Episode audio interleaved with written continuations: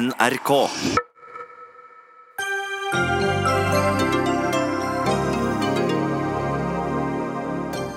Krekar pågrepet av PST etter terrordom i Italia. Unødvendig, sier Krekars advokat. Siden 2000 har antall bygninger i strandsonen økt med 20% Strandsona krymper inn fordi kommunen ikke klarer å sette foten ned, mener Norsk Friluftsliv.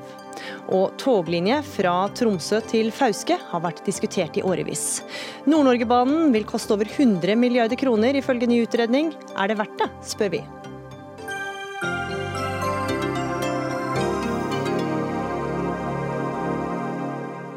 Ja, velkommen til Dagsnytt 18 i studio Gry Veiby. Ved månelandinga gikk mennesket inn i en ny epoke, sier romfartsveteran Erik Tamberg. I dag er det 50 år siden Apollo 11-raketten ble skutt opp, med de første menneskene som kom seg til månen. Mer om det litt seinere i sendinga. I morgen blir Naimuddin Farah Ahmad, kjent som mulla Krekar, fremstilt for fengsling i Oslo tingrett etter å ha blitt pågrepet i sitt hjem i går kveld av PST. Og Pågripelsen skjedde bare timer etter at Krekar ble dømt til tolv års fengsel i en italiensk domstol for terrorplanlegging. Brynjar Meling, du er eh, Krekars eh, advokat. Pågripelsen kommer til tross for at Italia ennå ikke har begjært Krekar eh, utlevert. Hvilken informasjon har du fått om grunnlaget for pågripelsen? Jeg har fått informasjon om at det skal være begrunnet i utleverings, utleveringsloven. Det er det eneste jeg vet så langt. Jeg venter på en påtegning som jeg lovet i løpet av dagen.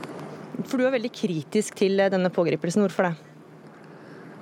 Ja, Den pågripelsen er helt unødvendig. Eh, PST vet at mulla Krekar har samarbeidet med de siden januar 2013. Han har latt seg avhøre første gang av FBI i august eller september 2002. Har senere latt seg avhøre utallige ganger av PST. Han har møtt opp hver gang frivillig. Han har møtt opp i enhver eh, rettsforklaring hvor han er blitt bedt om å møte. Han har stilt i avhør med tysk politi, med sveitsisk politi, med nederlandsk politi når han var i Nederland, med eh, italiensk politi da de var her. Han har stilt i samtlige rettsmøter hvor han er blitt bedt om å komme.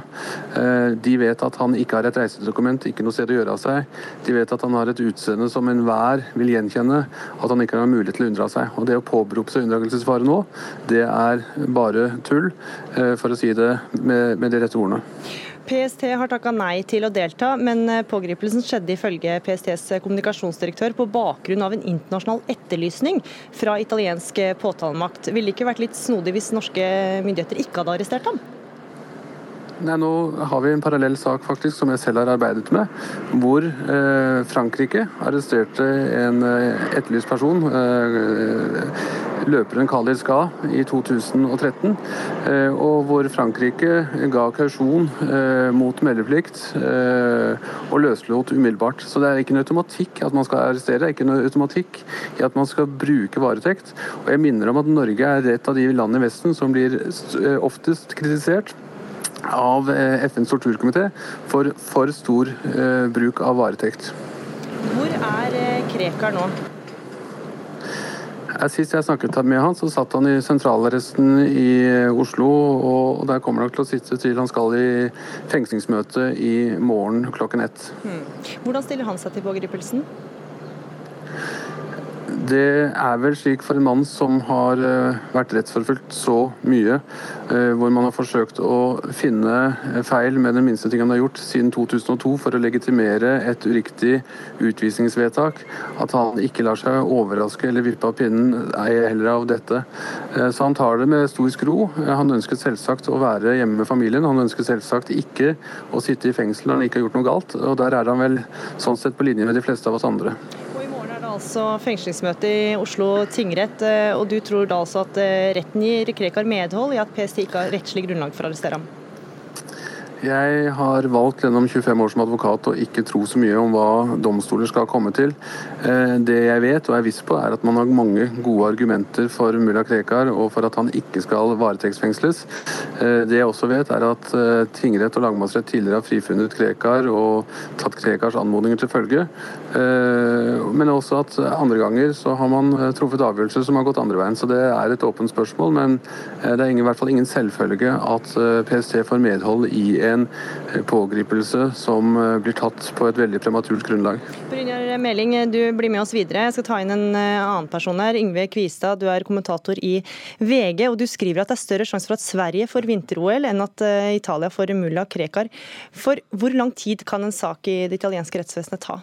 Nei, en, sak i, en rettssak tar jo gjennomsnittlig elleve år fra rettsforhandlingene starter og til, til endelig dom foreligger.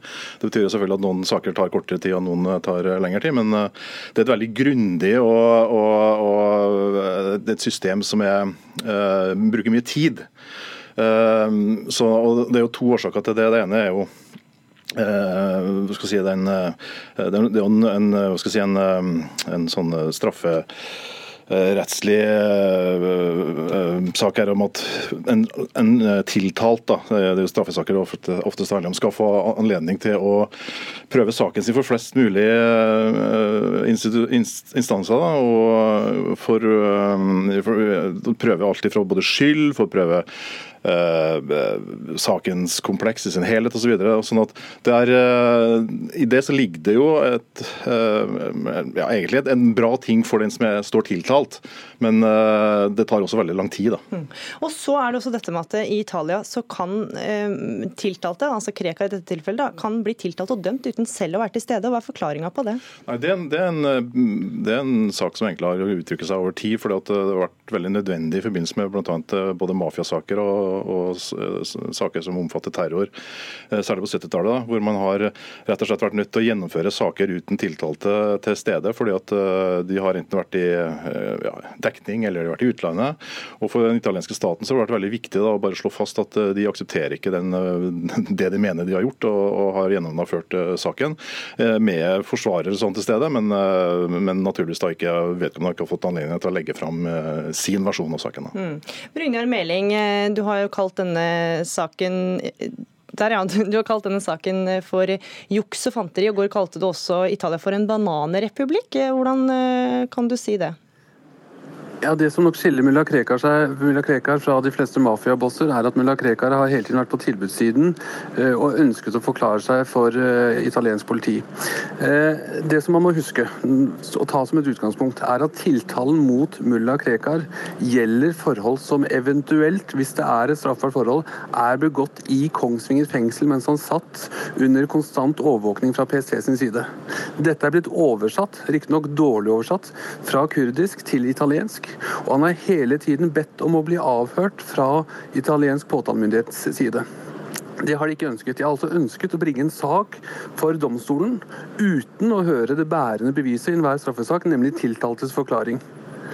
Så har han da vært på tilbudssiden når det gjelder å forklare seg overfor retten i Italia, og sagt at han vil forklare seg på telelink fra Oslo tingrett, eller fra PSTs lokaler, eller på en hvilken som helst måte som italieneren kunne være fornøyd med. Det har de heller ikke ønsket. Så kom han da med et tilbud om å reise til Italia. Han ba om noen garantier, og det var bl.a. den viktigste, at Norge skulle stå ved den beslutningen som ble tatt i 2003, at han ikke kunne sendes ut av landet men da måtte man snu på det og si at Norge måtte love å ta han tilbake når saken i Italia var ferdig. Var ferdig. Det ville man ikke. Da... Derfor så kaller jeg dette en bananrepublikk i denne sammenheng. fordi at når man velger å tiltale en person uten å gjøre hans versjon, når man velger å domfelle en person uten å gjøre hans versjon, så tilfredsstiller ikke det de rettssikkerhetsgarantier som vi i hvert fall krever i Norge. Mm, da skal jeg gå over til deg, Kvistad, fordi du mener eh, måten Meling her omtaler eh, italienske rettssystem på, altså for en grov fornærmelse? Altså, det er jo eh, Melings uh, altså, Som forsvarsadvokat så har han jo da det privilegium å kunne uh, diskreditere påtalemaktens sak mest mulig. men jeg reagerer på akkurat det begrepet bananrepublikk. for at Uh, italiensk rettsvesen er ikke kjent for at det lar seg styre ovenfra, som begrepet bananrepublikk uh, impliserer. Tvert imot, det, det, er et veldig, et veldig, uavhengig system. Det er historisk betinga, det selvfølgelig. Det, det, er nedfelt i Grunnloven etter krigen. Man hadde da opplevd hvordan Mussolini samla all makt på sine to hender. Man ville for all del unngå at noe tilsvarende skjedde. Følgelig så lager man en grunnlov altså hvor, hvor justisvesenet og rettsapparatet er, er veldig uavhengig. Og er det noen ting som italienske dommere og forsvarere og advokater har vist, så er nettopp sin, sin uavhengighet. Selvfølgelig så finnes det brodne kar også der.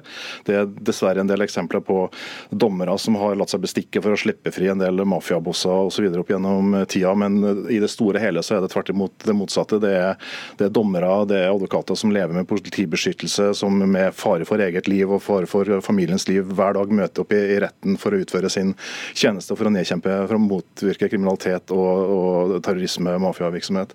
Så, så det, det, er veldig urettferdig overfor et, overfor et, et veldig solid system å, å kalle akkurat bananrepublikk. det synes jeg. Mm. Vi skal ta inn en tredjeperson, jurist og menneskerettighetsekspert Njål Høstmeldingen. Du er direktør i International Law and Policy Institute. Hvorfor har eh, PST pågrepet Krekar hvis det kan ta årevis før det foreligger en rettskraftig dom i Italia? Eh, nei, det kan du si, det vet ikke jeg. Men jeg bare tenker at eh, nettopp det tidselementet er noe av det som gjør det vanskelig. Du har hjemmel for å pågripe noen når det er for å kunne sende dem ut av landet ikke så altfor lenge etterpå.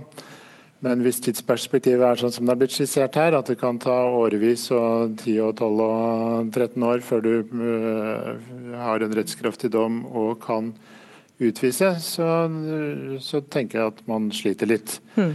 Men når det er sagt, så er det vel ingen av oss som kjenner det italienske rettssystemet godt nok. Og for alt jeg vet, så kan dette være rettskraftig nok til å kunne gjennomføre en beslutning i Norge om utlevering.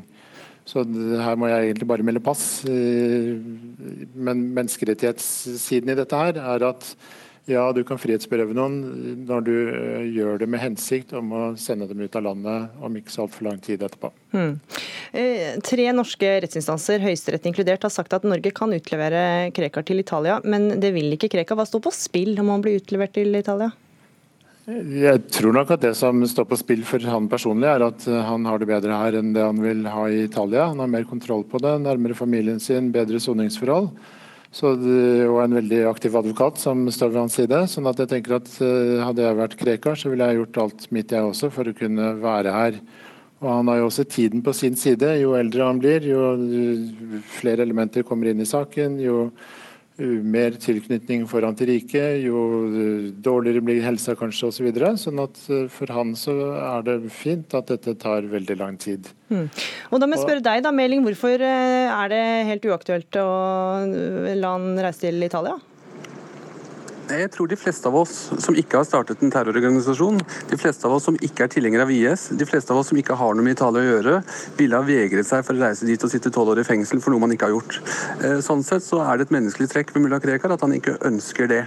Eh, og når man i tillegg eventuelt skal sitte der for en, en dom hvor man ikke har fått lov å fremlegge saken sin, hvor italiensk eh, påtalemyndighet, uavhengig hvor rørende beskrivelse Kvistad har av deres uavhengighet, ikke har valgt å høre hans versjon, hvor en domstol har valgt å dømme han uten å høre hans versjon, eh, så, så er det klart at da er han ikke veldig tillit til dette. Men, men det viktigste for Krekar er faktisk eh, hva som skjer med han etter en eventuell sak. Altså, har han garantier for at Italia ikke skal sende han til Nord-Irak, slik Italia ble brukt for å få Øslan sendt til Tyrkia som transittland når, han, når, når Øslan ble eh, arrestert der. Italia har latt seg bruke før og kommer til å la seg bruke igjen, og de har gjort det nå, denne gang fra norske myndigheters side. Kvista, Kvistad, helt opp, eh, til slutt her. Altså, du skriver at mulla Krekar kunne tjent på å møte opp i retten for å legge fram sin sak. Jo, men Det er jo nettopp det. Jeg er helt enig med, med Meling i det. at Uh, altså, sånn som saken har, har, har utvikla seg, så ville jo selvfølgelig uh, Krekar hatt ting å tjene på det og kunne få fremlegge sin, sin versjon av det, og sine beviser og motbeviser og osv. Men jeg skjønner jo også godt at han ikke har reist til Italia når han ikke har fått de uh, forsikringene om at han kan få slippe å komme tilbake igjen. Mm. Og I morgen er det altså fengslingsmøte, så det blir mer om Krekar da helt sikkert. Takk for at dere var med i Dagsnytt 18, Yngve Kvistad, kommentator i VG, Njål Hestmeldingen, direktør i International Law and Policy Institute, og Brynjar Meling, advokat for Krekar. Dagsnytt 18 alle hverdager klokka 18. På NRK P2 og NRK2.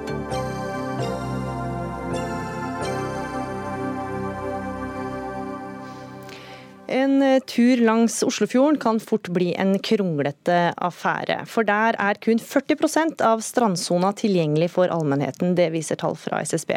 Og slik er det også andre steder i landet, til tross for at bygging i strandsona har vært forbudt i 50 år. Og du advarer mot denne utviklinga i Klassekampen, Lasse Heimdal, du er generalsekretær i Norsk Friluftsliv. Hvordan forklarer du at det er så mye utbygging i strandsona når det tross alt er forbudt ved lov? Skal vi se om vi har med oss eh, eh, Kvistad. Det har vi ikke. Da går jeg til deg, da. Karin Andersen, stortingsrepresentant for SV. Hvordan forklarer du at det er så mye bygging i strandsona når det ikke er lov? Nei, det må man lure på. Og hvis det fortsetter sånn som det gjør nå, så er det jo snart ikke en meter igjen mange steder til folk flest. Og Eh, strandsone er jo en viktig del av allemannsretten, som eh, gjør at vi kan ferdes både i skog og mark og i strandkanten, både ved havet og i innsjøen. Og en utrolig viktig del av hverdagsfriluftslivet og, og den friheten vi har. Dette er jo en kjempefrihet i Norge, som vi har uavhengig av om vi eier eller ikke. Og eh, jeg skjønner godt at folk vil eh, både bo og ha hytte i strandkanten, for det er jo kjempefint, det. men men det er viktig at vi nå må eh, finne måter å stoppe denne nedbygginga på, fordi nå har det gått for langt. Altså Man har bygd ned så mye, og hvis man da tillater at det bygges litt mer, litt mer, litt mer hvert eneste år, så blir det ikke 18 år til slutt. Men hvem er det som har ansvaret for dette? da? Nei, Nå er det jo både staten og kommunene har ansvaret eh, for dette. Det er, eh, Kommunene har jo i hovedsak ansvaret for å lage reguleringsplaner og for å godkjenne bygging. Men en del av sakene går jo også til eh, Kommunaldepartementet, og ikke minst så har jo staten muligheter til å legge inn regler som gjør at det blir mye strengere, og at det gis mindre dispensasjoner enn det det gjøres i dag. Mm. Og ikke minst òg å gi kommunene muligheter til å eh, få vekk det som er bygd ulovlig. For mange kommuner har nesten ikke råd til det, fordi at eh, det er mange som er rike som har Eh, bygd ulovlig, og de har advokater, og de driver på i årevis. Sånn at jeg tror kommunene òg trenger virke, kanskje sterkere virkemidler både for å ikke bli pressa til å bygge ned, men også for å kunne få vekk det som er bygd ulovlig. Monica Mæland, kommunal- og moderniseringsminister. Det er jo dispensasjon fra kommunen dette her, og tall fra SSB viser at kun 30% av strandlinja, f.eks. Oslo kommune, er tilgjengelig for allmennheten. Kan man virkelig si at kommunene gjør en god nok jobb da? Ja, først har jeg lyst til å si at Det er ikke ulovlig å bygge i 100-metersbeltet, men man må bygge på en lovlig måte. Det må foreligge en reguleringsplan og en plan fra kommunene, eller en lovlig dispensasjon. Da er det lov. Så er det sånn at det er et stort press eh, mot deler av strandsonen i deler av landet. Men eh, det som er et problem i Østfold eller Vestfold, er det ikke nødvendigvis i Sogn og Fjordane eller i Nordland. Eh, og Derfor har vi jo ulike terskler for hvilke vurderinger kommunene skal gjøre. Og Mitt inntrykk er jo at kommunene kommunene gjør et grundig arbeid gjennom hele året, både med å lage planer og behandle byggesaker. Det behandles mange hundre plan- og byggesaker eh, hele året av kommunene. Og jeg har stor tillit til at kommunene gjør grundige vurderinger. De kjenner lokale forhold, de kjenner lokale utfordringer, eh, og de gjør en vurdering. Og så er det jo slik at eh, vi har innsigelsesmyndighet. Vi har 17 ulike statlige myndigheter som har innsigelsesmyndighet, i tillegg til alle fylkesmennene og alle omkringliggende kommuner. Og Det betyr at eh, for å ivareta både regionale og nasjonale viktige eh, eh, forhold, så kan vi legge inn innsigelse. Men vi får altså et fåtall slike saker til departementet. Mm. Under 10 er strandsonesaker. Men når du ser disse tallene nå, Sjøl om antall dispensasjoner går litt ned, så er det jo et stort antall. og det, det, betyr jo ikke at man starter på null for hvert år. Altså Man bygger jo ut videre der man allerede har bygd ut. År for år for år for år blir strandlinjesona bygd ned, slik at folk ikke kan få bruke den. Og med det skal vi også ta inn eh, tredjeperson her, som vi faktisk begynte med. Lasse Heimdal, generalsekretær i Norsk Friluftsliv. Nå er du med oss. Eh, til Klassekampen så sier du at dere i Norsk Friluftsliv hører flere historier om utbyggere som kjenner de rette folkene i kommunen. Hvordan eh, fungerer det, eller hva legger du i det?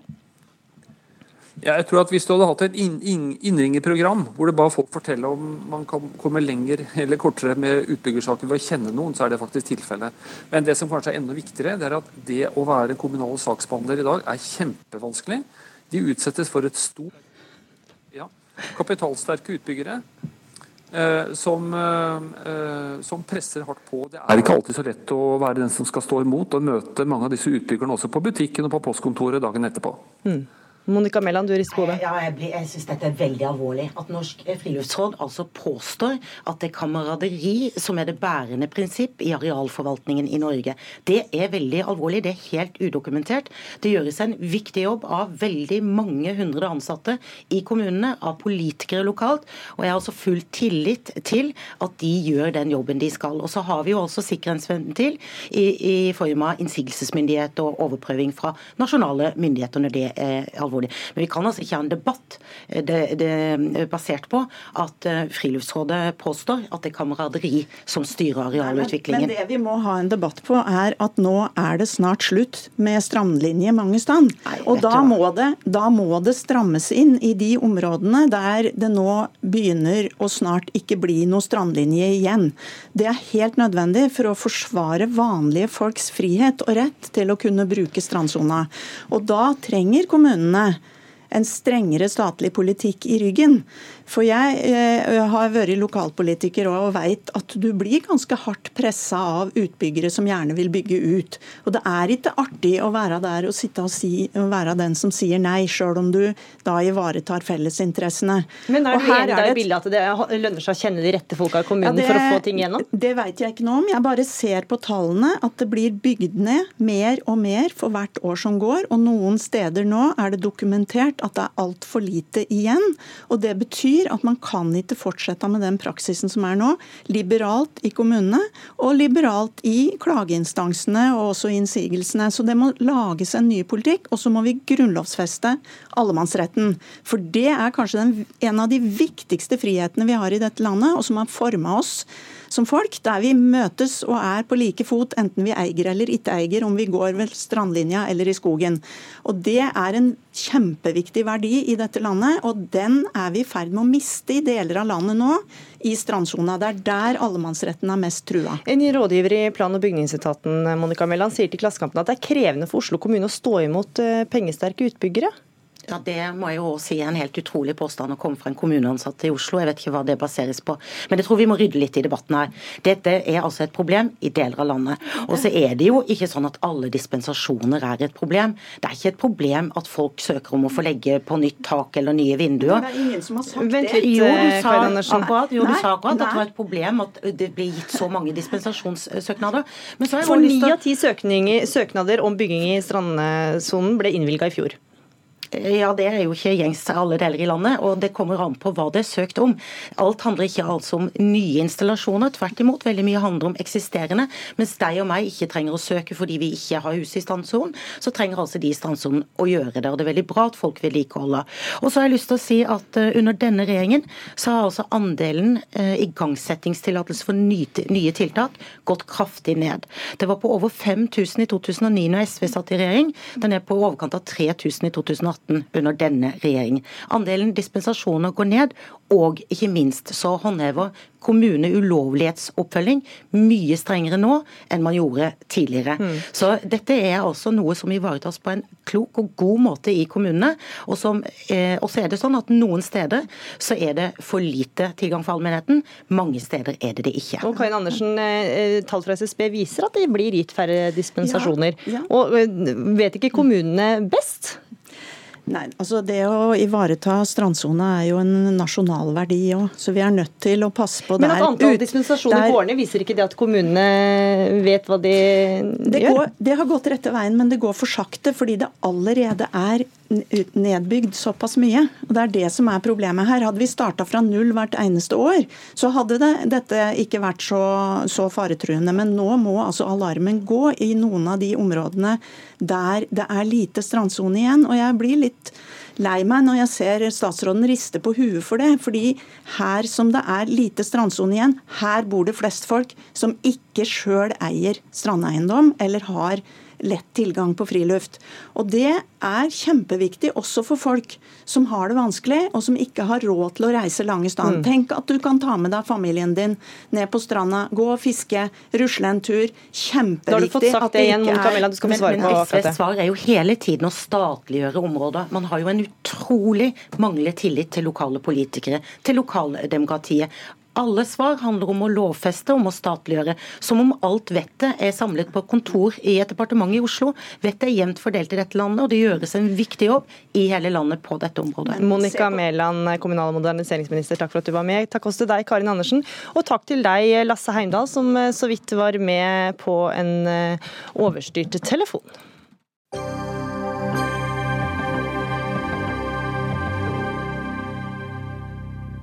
En kvinne kan bli agent 007 i ny James Bond-film. Altfor politisk korrekt, mener redaktør av nettstedet jamesbond.no. En ny epoke begynte for 50 år siden i dag, da den første raketten med menneskene som skulle sette sin fot på et annet himmellegeme, ble skutt ut. Apollo 11 hadde kurs for månen, der den landa fire dager seinere.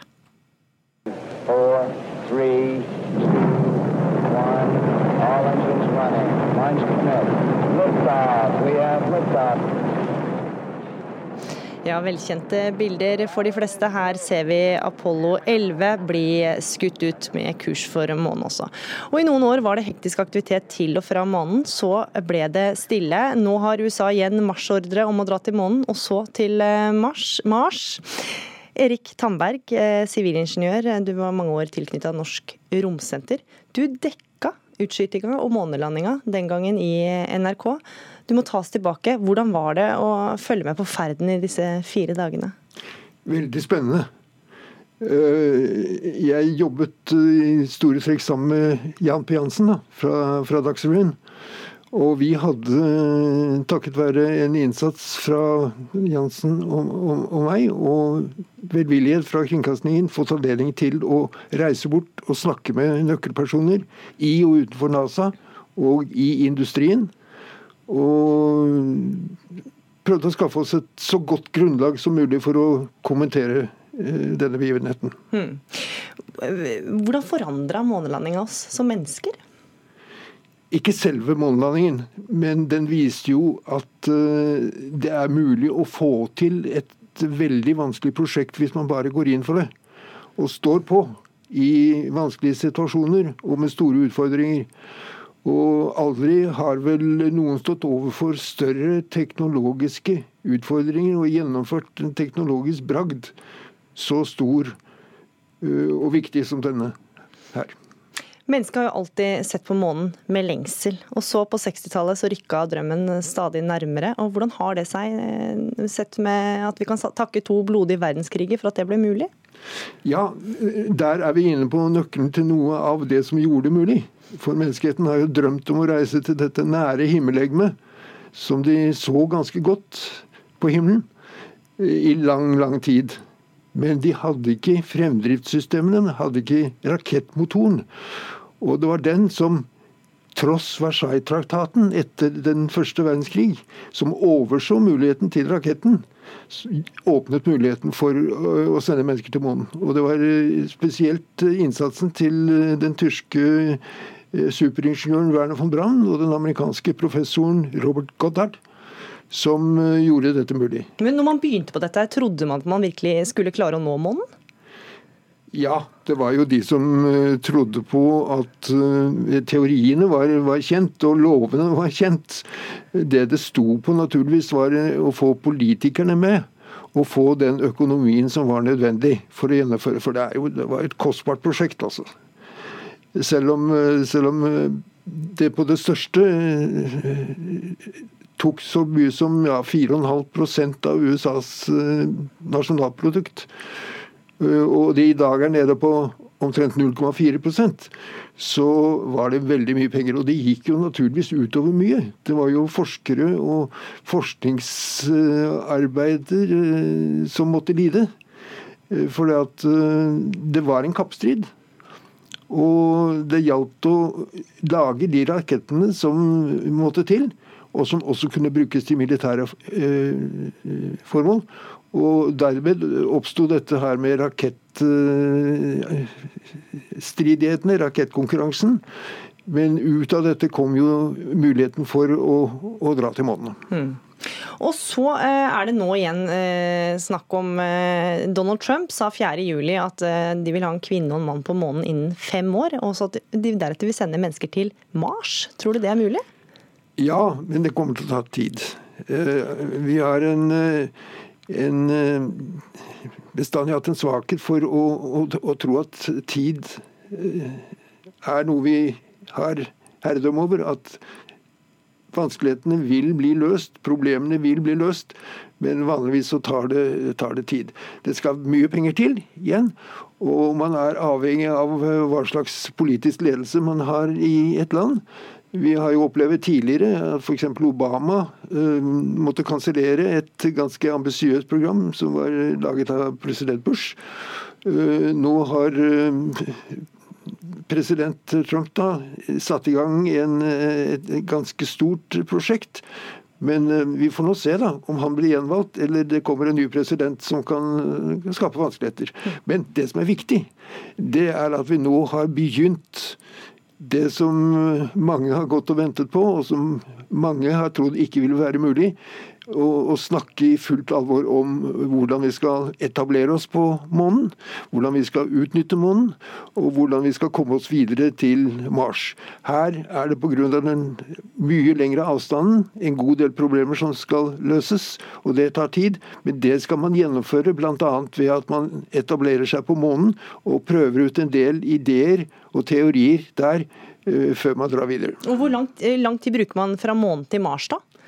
Ja, det kan ta eh, flere hundre dager, det. 800-900 dager. Eh, igjen avhengig litt av fremdriftssystemene. Men, uh, men, det er lang tid, og, og, her skal vi ikke undervurdere de medisinske problemene som dukker opp. Uh, oppstår det et eller annet kritisk medisinsk problem mens man er på månen, så er det bare tre dager dit. Men eh, kommunikasjonsavstanden og reisetiden til, eh, til, Mars gjør at eh, det er ting her vi må ta hensyn til. Det er ikke bare stråling, og det er ikke bare langvarig vektløshet, men det er også det psykiske ved at mennesker vil føle seg så langt borte fra venner og familie at også den siden må ofres oppmerksomhet. Hmm.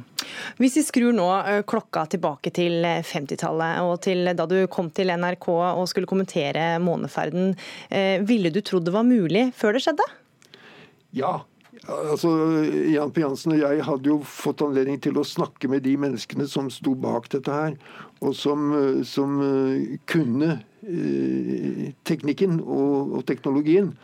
Og den troen på at dette her skulle lykkes, den smittet jo over på, på mm. oss. Så vi var, vi var, optimister. Men det var eh, farlige ting. Det var eh, noe man ikke hadde gjort før. Og det var spenning knyttet til det. Spesielt under landingen, kanskje, hvor det oppsto en del problemer som man ikke hadde regnet med. Mm. i den grad. Og På NRK, og NRK, TV kan du nå se en splitter ny amerikansk dokumentarserie som heter 'Draumen om månen', som lover et helt nytt blikk på måneferden. Takk for at du var med i Dagsnytt 18, Erik Tandberg. I like måte.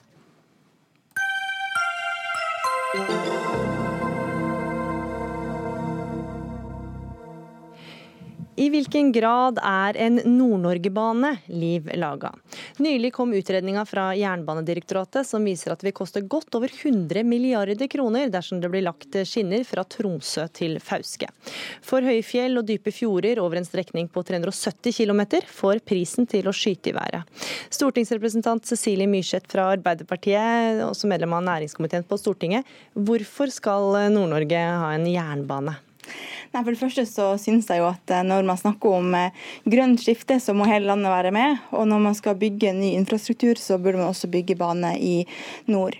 Nå vet vi jo at eh, gods flyttes nordover gjennom at man skal få mer fisk sendt ut i Europa, eh, resten av verden, og den skal hentes i Nord-Norge.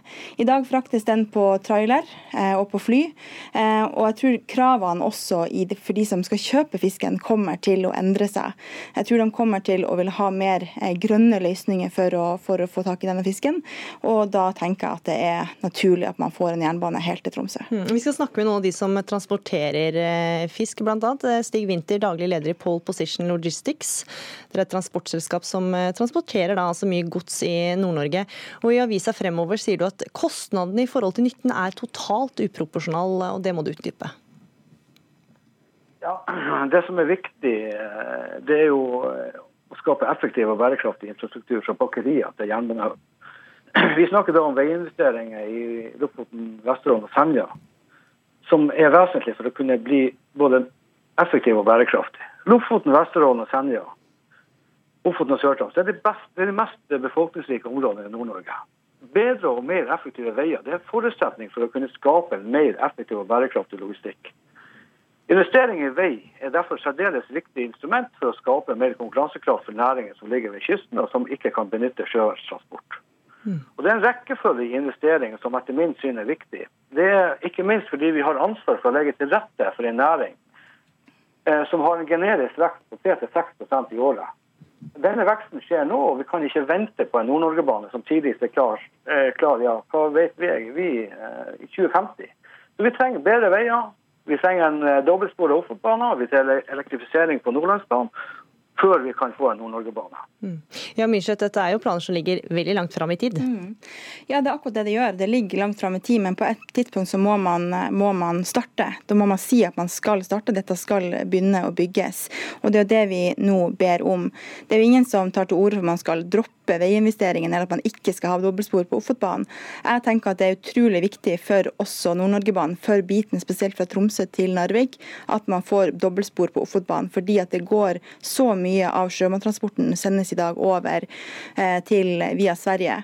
Eh, så det tenker jeg at det må vi ikke sette opp som, en, som at det er et motstykke til dette. Det gjør man ikke andre plasser i, i landet på samme måte som man fort gjør i, i Nord-Norge. Da skal man i mye større grad enn andre plasser vurdere samfunns samfunnsnytten. Det er liksom det som kommer opp hele tida, og det er samfunnsnyttig om man bare tar inn over seg de beregningene som jo ligger eh, i utviklinga i Nord-Norge, som jo alle vet at kommer til å være veldig stor. Eh, så jeg tenker at eh, man må ikke se seg blind på at dette må stilles opp mot hverandre. Men jeg tenker også at det er jo klokt å starte med én ting. Vi kan jo ikke begynne å bygge hele banen med en gang. Og begynne med biten fra Tromsø til Narvik, det syns jeg er veldig fornuftig. Hmm. Vinter, flere tar til orde for å lage en jernbane som knytter Tromsø til det svenske jernbanenettet. Hvorfor er det bedre å få transporten over til Sverige? Ja, altså, eh, Sverige har man jo eh, faktisk et jernbanesystem som, som fungerer. Eh, og vi benytter jo i, i, dag det svenske jernbanesystemet fra Narvik eh, til Oslo. Eh, vi har også planer om å benytte det direkte til eh, Malmö i, i, løpet av høsten. Og Det vil bety en innsparing for våre eksportører som er, som er ca. 24 timer raskere fram enn i forhold til Oslo. Eh, når det gjelder det jo Cecilie sier til, til, at man starter fra Narvik til Tromsø, så er jo det eh, et ønske vi har sett. Det er kanskje det som kanskje er med å gravlegge en Nord-Norge-bane. For at, eh, Hvorfor kan man ikke starte fra Fauske til Narvik? Det vil jo gi det vil jo gi landsdelen en leveringssikkerhet en, som er to ganger bedre enn i dag, gjennom at man har to årer Eh, inn til Nord-Norge. Ei via Norge og ei via Sverige. Mm. Myrseth? Ja, nå viser vel også utredninga at den samfunnsmessige nytten er jo størst eh, med, på, med biten Tromsø-Narvik. Tromsø, og det er jo også den billigste biten å, å starte med. Så, så, det tenker jeg at eh, det er grunn, grunn nok til å, til å, gjøre det. Og så er det et annet aspekt i dette som vi jo ikke har dratt opp tidligere, og det handler om sikkerhet. I vinter så har vi jo sett vogntogene de ligger strødd langs grøftekantene i, i Nord-Norge og, og, flere deler av landet. Og det å få flytta denne farlige transporten eller godsen godsen over på bane, har også en sikkerhetsmessig effekt som jeg mener er viktig å ha med i, i det store bildet. Det er sånn at det går også liv tapt på veiene pga. Eh, hvor farlig det er å kjøre på, kjøre på vinteren. Eh, så Det vil man jo også eh, få effekter av. I tillegg så vil man jo spare vedlikeholdskostnader eh, på veiene i stor grad. Hmm. Vi skal ta inn en tredjeperson her. Skjalg Fjellheim, du er politisk redaktør i Nordlys. Og det er mye debatt om eh, Nord-Norgebanen, og også spesielt i nord, selvfølgelig. Hvor står fronten frontene der? Ja, det får vi jo ganske godt anskueliggjort i denne debatten, der vi hører en en Narvik-basert eh, aktør som argumenterer tungt mot eh, at det skal føres jernbaneskinner i noen himmelretning ut fra Narvik. og Det er jo ganske spesielt. Eh, og Da har man jo kommet skjevt ut i denne debatten, når lokalpolitikken ser ut til å, til å vinne over det, det, store bildet. Og det er klart at, at når den byen som denne jernbanen skal føres ut fra, eller, eller skal det være et viktig knutepunkt da, ser ut til å ikke ønske det, så står man jo over et problem. Altså, kort sagt så kan man si at Før man skal klare å samle nasjonen bak et slikt krav, så må jo landsdelen klare å samle seg sjøl bak det kravet. og dit, Fram dit synes det å være ganske langt. Så det er ingen løsning i sikte for hvordan eh, landsdelen sjøl skal klare å samle seg?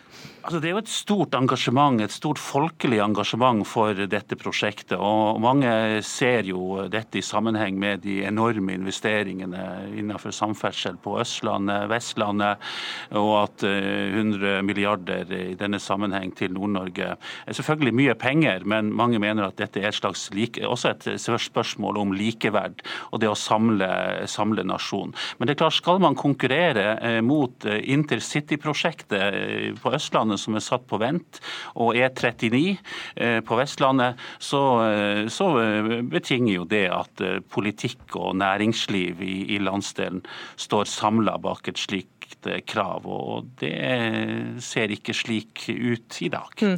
Vinter til eh, avisa Fremover så sier du at denne debatten om jernbane det får fram en slags meningstyranni. Hva mener du med det? Ja, det er jo liksom litt det som man Skjalg eh, sier nå. Det er jo at hvis man ikke er enig i rekkefølgen her, så er man imot. Det er jo det er ikke sånn at det er et Narvik-miljø som er imot jernbanelinje til Tromsø. Men vi snakker da som en rekkefølge. Vi har venta på en dobbeltspora Ofotbane i mange, mange år. Det har ikke vært veldig stor eh, gehør for å få støtte fra Tromsø til, til, det prosjektet, som faktisk også er en forutsetning for at en Tromsbane skal kunne koble seg på det svenske jernbanenettet. Mm. Ja, Det siste der det stemmer jo ikke. Eh, fordi Om man skal gå inn i dette, eh, dette, lokalpolitiske sporet, da, eh, så er det jo sånn at man også i Troms har vært veldig tydelig i sine krav når det kommer til arbeid med Nasjonal transportplan, om at man må prioritere dobbeltspor på Ofotbanen. Jeg har selv vært regionalpolitiker og vært med og gjort sånne type vedtak, så det stemmer faktisk ikke at man ikke har den støtten.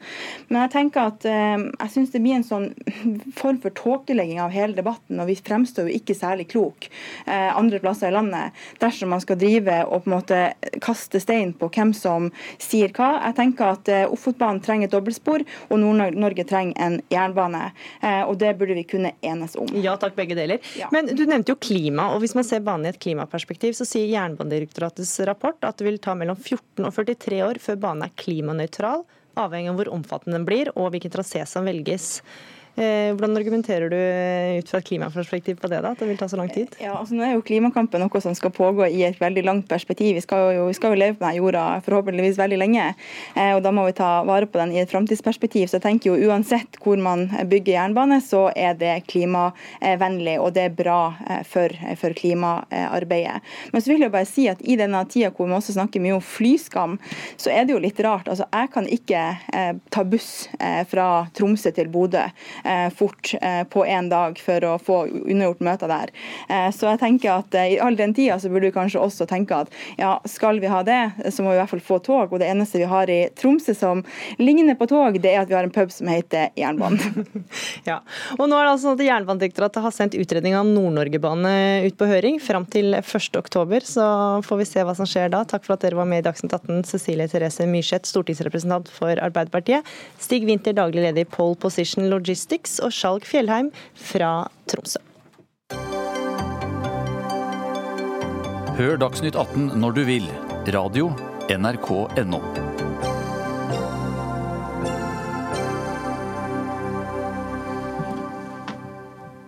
I 1919 eh, ble åttetimers arbeidsdag lovfesta i Norge. Nå, 100 år seinere, står åttetimersdagen under press.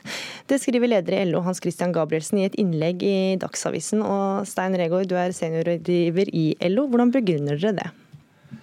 Nei, Det var jo ikke så ueffent å få Høyre på banen og være med å feire 100-årsjubileet for åttetimersdagen. Og det er ikke helt uten eh, foranledning, da. Eh, LO-lederen tok dette. fordi at Hvis vi tar de lange linjene først, da, for det er det dette gjelder, at vi har fått arbeidstida ned fra 60-70 timer, 80 timer i uka, eller 12 timers dag da, for 200 år siden, til 8-timersdagen for for 100, og da var den vel på 10, da, kanskje i utgangspunktet mange steder, og, og til 8 og 7,5 som det egentlig er i praksis for det normale her. Så det er en veldig lang reise, men det er jo interessant å, å høre hva, hva, hva, Høyre mener om det. for hvis hvis eh, LO-lederen tenker seg om, så har han observert at det er jo LO som har drevet det fram, kan du si. Og eh, arbeidsgiverne har jo ikke vært så entusiastiske, men du kan jo spørre ja, men jeg må spørre deg da, fordi hvordan, hvordan, begrunner du at den er under press nå? Jo, det, Han tok utgangspunkt i dette med 43 timer, som Erna Solberg sa i en litt annen sammenheng. Så dette var liksom et, et grep for å få andre i tale oppmerksom på, på jubileet. Så, så Høyre har enten vært passiv eller motstandere av alle de arbeidstidsreduksjonene som har vært. Det er mulig Heidi kan historia bedre enn meg her og kan si at det er noen steder de var tidlig ute. Men vi kan jo spørre, da. Vil den, vært, ville den fortsatt vært på 60 timer i uka hvis Høyre hadde fått det akkurat som du ville, eller hvor ville vi vært? Jeg tror jo ikke akkurat det. Men, men dette har vært en langsiktig Eh, konfliktlinje eller debattema i samfunnsutviklingen, og, kanskje sivilisasjonens utvikling. og, og dere har fått Høyre på banen. Du har allerede introdusert Heidi Nordby Lunde, ja. stortingsrepresentant i Høyre. Er du enig i at åttetimersdagen er under press? Nei, ikke helt. Eh, men jeg leste kronikken til eh, Hans Christian Gabrielsen, og jeg syns han har noen, noen, poenger der. Men i hovedsak så er jo Høyre også for en både anstendig og, og familievennlig arbeidslivspolitikk. Og nå har vi sittet i regjering i, i seks år uten at arbeidslivet arbeidslivet i Norge har vært, blitt rasert av den grunn. Så jeg tror ikke man har noen grunn til å frykte dette. Men det er helt riktig at statsministeren eh, kanskje brukte det litt som en, en trussel. Eh, at man kunne komme til å måtte jobbe 43 timers arbeidsuke hvis vi ikke klarer å få flere grupper som står utenfor arbeidslivet i dag, inn i arbeid. Så målet er jo ikke at de som er i arbeidslivet skal jobbe mer, eh, holdt på å si tvert, tvert imot. Målet er å sysselsette flere, sånn at flere kommer inn i arbeidslivet og kan bidra til det velferdssamfunnet vi alle ønsker oss. Mm.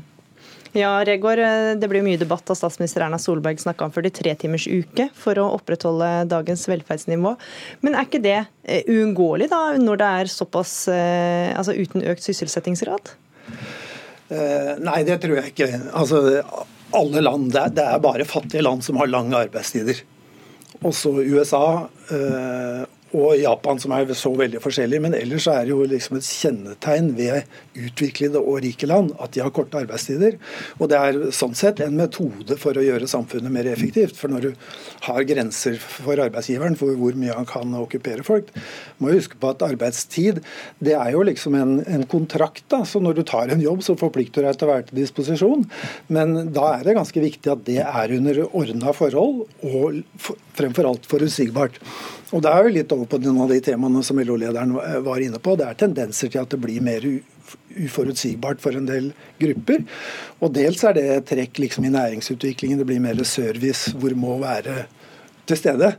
Eh, men det er jo også en del av den politiske kampen, og det har jo vært forsøk i disse stortingsperiodene på å utvide dette, som for noen da kunne føre til eh, ukontrollerte lange dager og uforutsigbare dager. Mm. Ja, nå, nå, er jo regjeringen for uh, det som har vært standarden i norsk arbeidsliv, nemlig uh, heltidsstillinger med åttetimersdager. Uh, og det er ingen som presser på det. Det vi ser er, noen, er jo noen trekk hvor man ser at man ønsker mer søndagsåpent. Man ønsker flere servicestillinger, som Regård er, er, inne på. Men samtidig så ser vi at det kommer også helautomatiserte butikker som gjør at man ikke har samme behov for arbeidstakere. Noe som kanskje bekymrer LO like mye som det bekymrer mange andre. og derfor derfor ikke har behov for de, de, bestemmelsene lenger. Men i privat sektor så er stort sett dette ikke et problem. Og 43 timers uke som sagt, eh, var jo da et forslag eller et innspill i debatten om hvordan eh, opprettholde dagens velferdsnivå. Vi ser at vi trenger å få flere med flyktningbakgrunn og innvandrerbakgrunn i arbeid. Så Derfor så har regjeringen gjort endringer i introduksjonsprogrammet. Vi har også en inkluderingsdugnad for å få de med funksjonsnedsettelser og hull i CV-en inn i arbeidslivet. Så Målet er jo å få de gruppene som står utenfor, inn ikke at de som er innenfor skal jobbe mer. Mm. Og Det er jeg sikker på at også LO er enig i. Regård, altså arbeidstidsutvalget som kom med sin eh, rapport for et par år siden, så eh, sa de at loven stammer fra en tid da fabrikkarbeidere jobba. Nå har vi fått en ny type arbeidsliv. Er det ikke, er det ikke behov for mer fleksibelt arbeidsliv? Jo da, og det er jo i høyeste grad blitt. Eh, for det første er det drevet fram av virkeligheten og næringssammensetning og sånn, på gode og dårlige måter. Noen steder har man vært med å gjøre det liksom i kontrollerte og, og ryddige former. Andre steder er det blitt tuska litt fram. og Det er ikke bare lett å være arbeidsgiver i mange av disse eh, bransjene som vokser fram. Det kan man jo også forstå. Så, så, på den måten er det ting som trekker i den retningen. Men på den annen side er det noe som trekker i retning at det er økt behov for ja, kontroll og, og, styring. da, Sånn at um, det, er, det er en stor fordel å unngå at det er veldig mange som sitter hjemme med telefon og lurer på om det blir en jobb til meg i dag. Ikke sant? For det første så er den usikkerheten plagsom, og man kan ikke gjøre andre ting. Og som regel er, følger med dårlig lønn og litt andre ting også. så jeg tror ikke det er så verst balanse på, på de eh, avveiningene som er, er, gjort i Norge. Det er selvfølgelig ikke perfekt i alle bransjer, eh, verken på godt eller vondt. Mm. Er, du, er, du, enig at det fortsatt er er det fortsatt behov for åttetimersdagen, eller har vi fått så fleksibelt arbeidsliv nå at det, vi må se bort fra det? Ja, jeg mener at det er behov for, for forutsigbarhet både for lønn og inntekt og, og, arbeid. og at Skal du kunne planlegge et, et, godt familieliv, så er det viktig å også beholde de, eh, at vi har heltidsstillinger og, og, og ryddige arbeidsforhold forhold. Men der hvor vi ser behov for kanskje å myke opp litt, og som eh, arbeidstidsutvalget også var, eh, var innom, er f.eks. i offentlig sektor, i omsorgsyrker, der vi ser utfordringer med å ta helgevakter, hvor du har eh, en litt større andel av uønsket deltid, at du har prosentstillinger som man ikke får opp pga. helgearbeid. Og Det er vel først og fremst der de har foreslått å gjøre endringer. Ikke for at folk skal jobbe mer, men kanskje se på vaktordninger og hviletidsbestemmelser som gjør at det går går an å løse de utfordringene som man står overfor i den sektoren. Da vi bl.a. mangler kvalifisert til å, eh, arbeidskraft til å fylle de vaktene. Og Her tror jeg nok at trepartssamarbeidet eh, kommer til å stå overfor noen store, viktige diskusjoner hvor det er uenighet mellom partene på hvordan det skal løses. Og Det er vel akkurat det Heidi Nordby Lunde sier nå, som gjør at dere mener at eh, åttetimersdagen er i fare? Ja, altså Eh, hvis jeg skal prøve å kommentere det, det Heidi sier nå om det, det som skjer i helse- og omsorgssektoren, Husk på, Jeg er bare feriekar på dette temaet ja, i dag, så det er så fleksibel i LO. Men jeg, så jeg kan om det, så mm. henger det ikke sammen med lovreguleringene. Det henger sammen med forhandlingene og forhandlingsklimaet på disse arbeidsplassene. Så du bør ikke plage hele arbeidslivet hvis arbeidsgiverne, da, som er, er dere og regjeringen og sånn, ikke greier å skape bedre forhandlingsklima enn at, man, at, det blir dårlige løsninger, så syns jeg man skal starte der. da, og, og, ikke gå om den generelle loven som da gjelder ja, tre ganger så mange. Mm. Vi lar, lar, det ligge her. Takk for at dere var med i Dagsnytt 18, Heidi Nordby Lunde, stortingsrepresentant fra Høyre, og Stein Regård, seniorrådgiver i LO.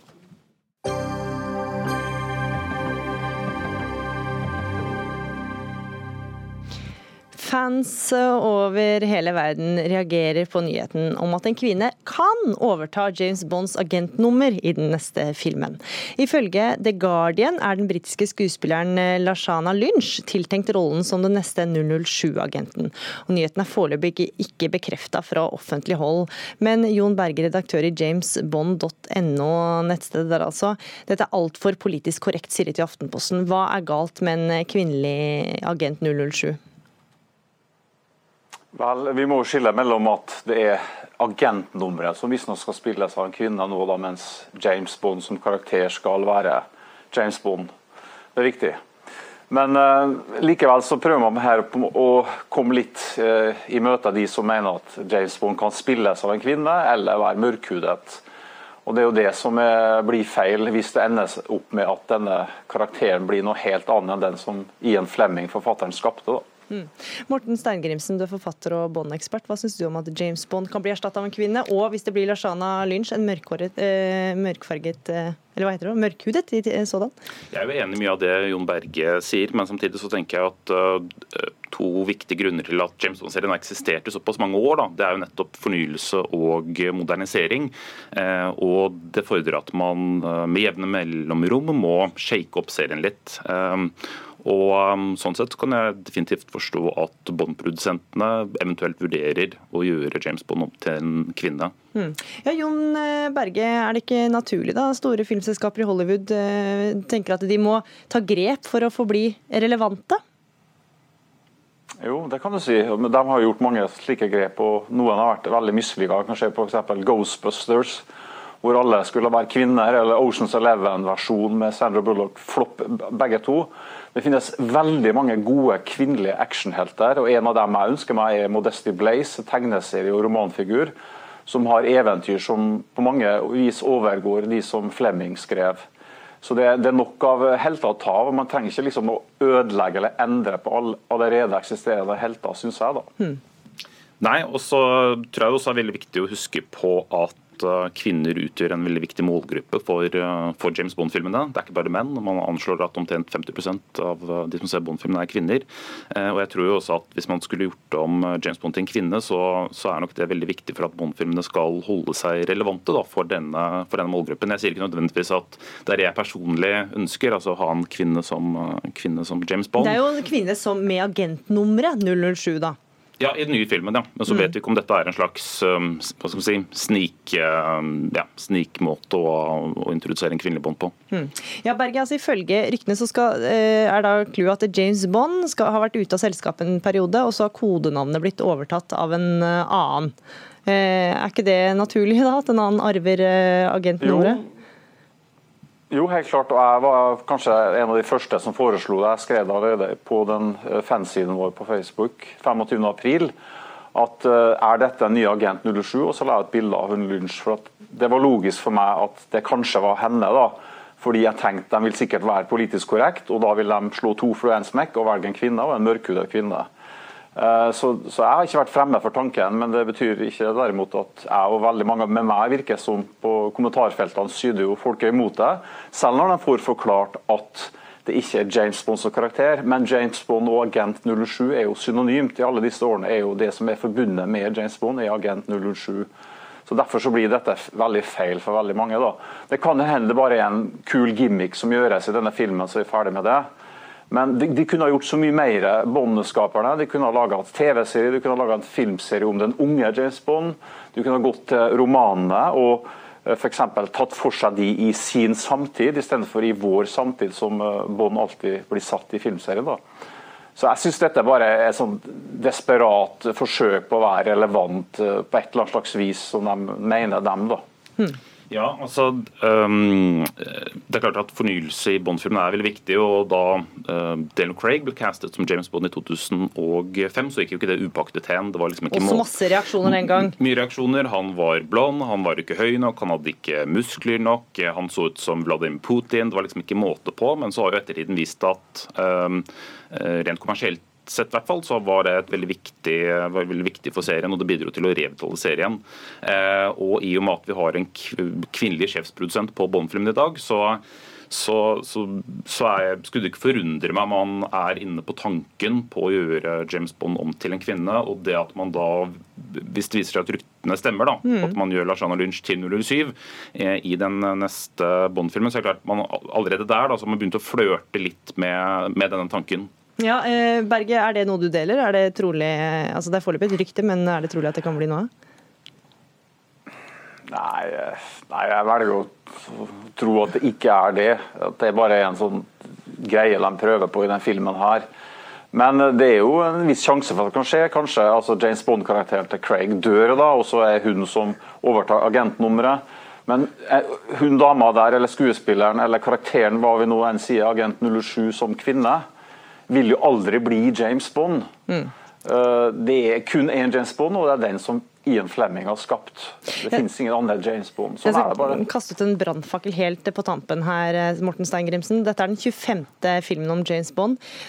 Når er James Bond-markedet metta?